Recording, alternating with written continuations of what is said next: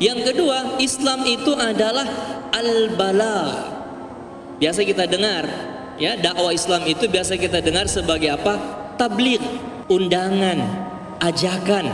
Dakwah Islam itu adalah mengajak, mengundang orang untuk mengamalkan agama, mengamalkan Islam itu. Jadi dakwah Islam itu bukan pemaksaan. Bukan. Dakwah Islam itu adalah mengajak orang, mengundang orang untuk mau ikut bersama-sama menjalankan ajaran agama Islam. Bahkan dilarang untuk memaksa, ya. Dalam dua atau tiga ayat seingat saya Allah bilang kepada Nabi Muhammad sallallahu alaihi wasallam, "Ma 'alaika illal balagh, lasta 'alaihim bijabbar." Dan beberapa ayat lainnya.